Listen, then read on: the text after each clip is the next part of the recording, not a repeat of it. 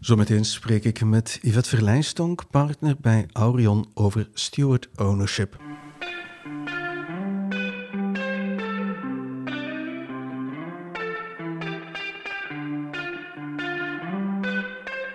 Steward ownership is voor de aandeelhouders van een onderneming een manier om te zorgen dat de oorspronkelijke missie van het bedrijf ook op termijn prioritair blijft.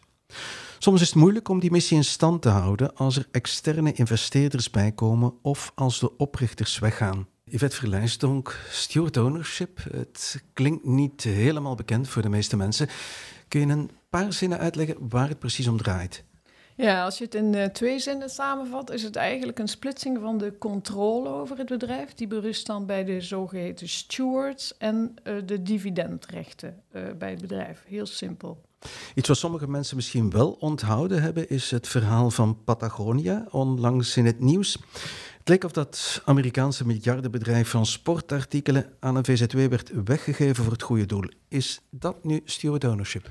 Uh, het is zeker een vorm van uh, steward ownership. In de krant stond: uh, we maken van de aarde onze enige aandeelhouder. Dat is een beetje opgeblazen, want zo simpel is het niet. Maar het er, kwam er eigenlijk op neer dat in plaats van het bedrijf te verkopen of na te laten aan zijn kinderen, dat hij zijn bedrijf heeft geschonken aan een stichting en naar een niet-for-profit, not-for-profit structuur, een VZW. de stichting die wordt gecontroleerd door de familie en de aandeelhouders. En de VZW die kan de inkomsten die zij krijgt vanuit het bedrijf dan besteden aan producten voor, uh, projecten voor natuurbehoud en tegen klimaatverandering. Zo'n formule waarbij ja, het bestuur van het bedrijf een beetje losgekoppeld wordt en voorkomen wordt dat het bedrijf gekaapt wordt of door erfgenamen verkwanseld. Zo'n structuur, bestond dat al eerder of is het nieuw? Nee, dat is absoluut niet nieuw, maar wel in de context van sociaal ondernemen. Het bestond namelijk al in Nederland, met name ook in de Stichting Administratiekantoor voor Successieplanning. En uh, als bescherming tegen uh, vijandige overnames. Uh, in het buitenland werd het ook wel gebruikt, met name om te zorgen dat de belangen van de werknemers centraal bleven staan. Bijvoorbeeld het Duitse bedrijf Bosch of het Deense Novo Nordisk.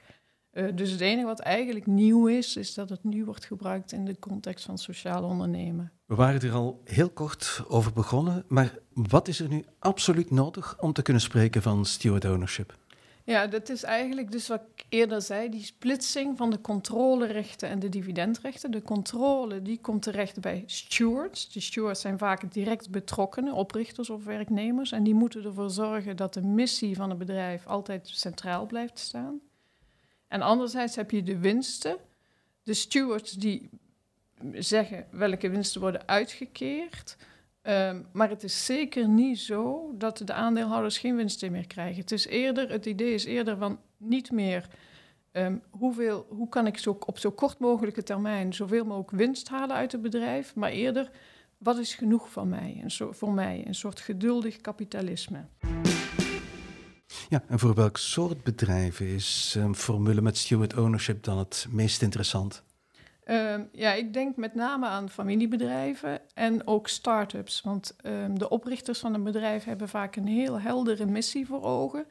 Maar op het moment dat daar externe investeerders uh, instappen, die ze wel nodig hebben, verwatert die soms even. Uh, en dan is het goed dat je door middel van dat steward ownership kunt zorgen dat die missie altijd voorop blijft staan. We kunnen er niet omheen. Het moet ergens juridisch in een jasje gegoten worden. En hoe gaat het dan? De meeste mensen kennen een BV, een coöperatie, een VZW. Maar hoe pak je dat juridisch aan bij een steward ownership formule?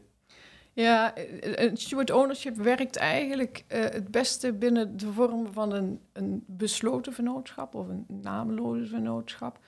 Um, en uh, het komt er eigenlijk op neer dat de stemrechten in de algemene vergadering van aandeelhouders, die komen voor een groot deel terecht bij de stewards.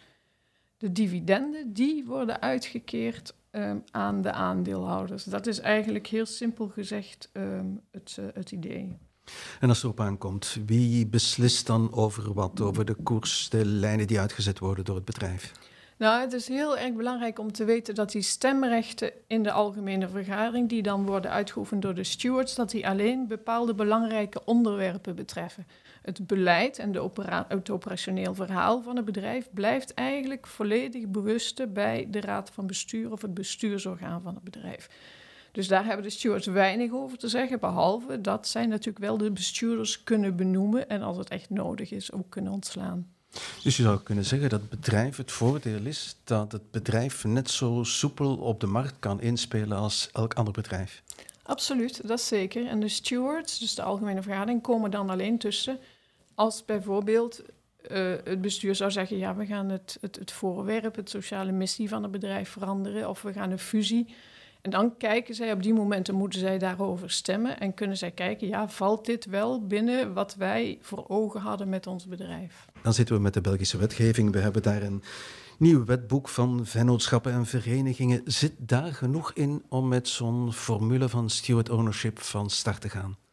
Ja, uh, absoluut. Want het uh, wetboek van vennootschap en vereniging reikt echt heel veel mogelijkheden aan om, uh, om op maat dingen, structuren op te zetten.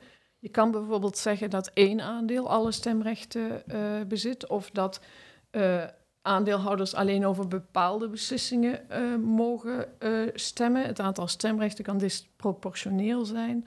Dus er is heel veel mogelijk. En hetzelfde geldt eigenlijk voor de dividendrechten. Je kunt ook verschillende dividendrechten per soort aandelen uh, creëren. Of je kunt de dividenden beperken tot een maximumpercentage. Dat is bijvoorbeeld al het geval bij de uh, coöperatieve vennootschap als erkend als sociale onderneming. En zo kun je dat eigenlijk uh, heel goed ja, moduleren en aanpassen op wat het bedrijf nodig heeft. Ik kom terug op de stewards, want het heet steward ownership. Wat zijn de aandachtspunten bij de stewards? Hoe kun je zorgen dat het vroeg of laat toch niet ontspoort?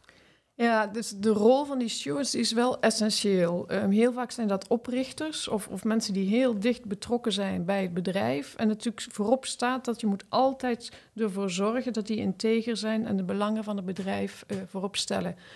Uh, het is dus ook niet, bij voorkeur moeten die stewards dan ook geen economisch belang hebben uh, in het bedrijf. Of in ieder geval moet het zo gemoduleerd worden dat uiteindelijk ze onafhankelijk kunnen beslissen. Um, en een tweede aandachtspunt, aandachtspunt is, je kunt in eerste instantie wel goede stewards benoemen, maar je moet er ook voor zorgen dat die later, als die weggaan of, of als, ze, als ze moeten worden vervangen, dat je dan zorgt voor een goede regeling voor de opvolging van de stewards. We zijn er tot nu toe licht overheen gegaan, maar stel dat ik geïnteresseerd ben, wat zijn de voordelen voor de aandeelhouder die zijn geld ter beschikking stelt voor het goede doel? Haalt hier nog iets uit ook? Ja, absoluut. Um, en, en ik denk dat dat de uitdaging is van de steward ownership, dat er een soort tussenweg gezocht moet worden uh, tussen de investeerders die toch wel bepaalde rechten willen en ook bepaalde dividenden en maatschappelijk doel van uh, het bedrijf. Die, die investeerders die moeten erin stappen eigenlijk als een soort geduldige investeerders. Um, en ik denk dat de uitdaging zal zijn om de investeerders in de toekomst toch wel bepaalde rechten toe te kennen. Um, maar essentiële rechten, zoals bijvoorbeeld stemmen over de missie van het bedrijf, ja, die moeten dan voorbehouden blijven aan de stewards. En dan om heel concreet te worden, zijn er in België intussen al structuren opgezet die die kant op gaan?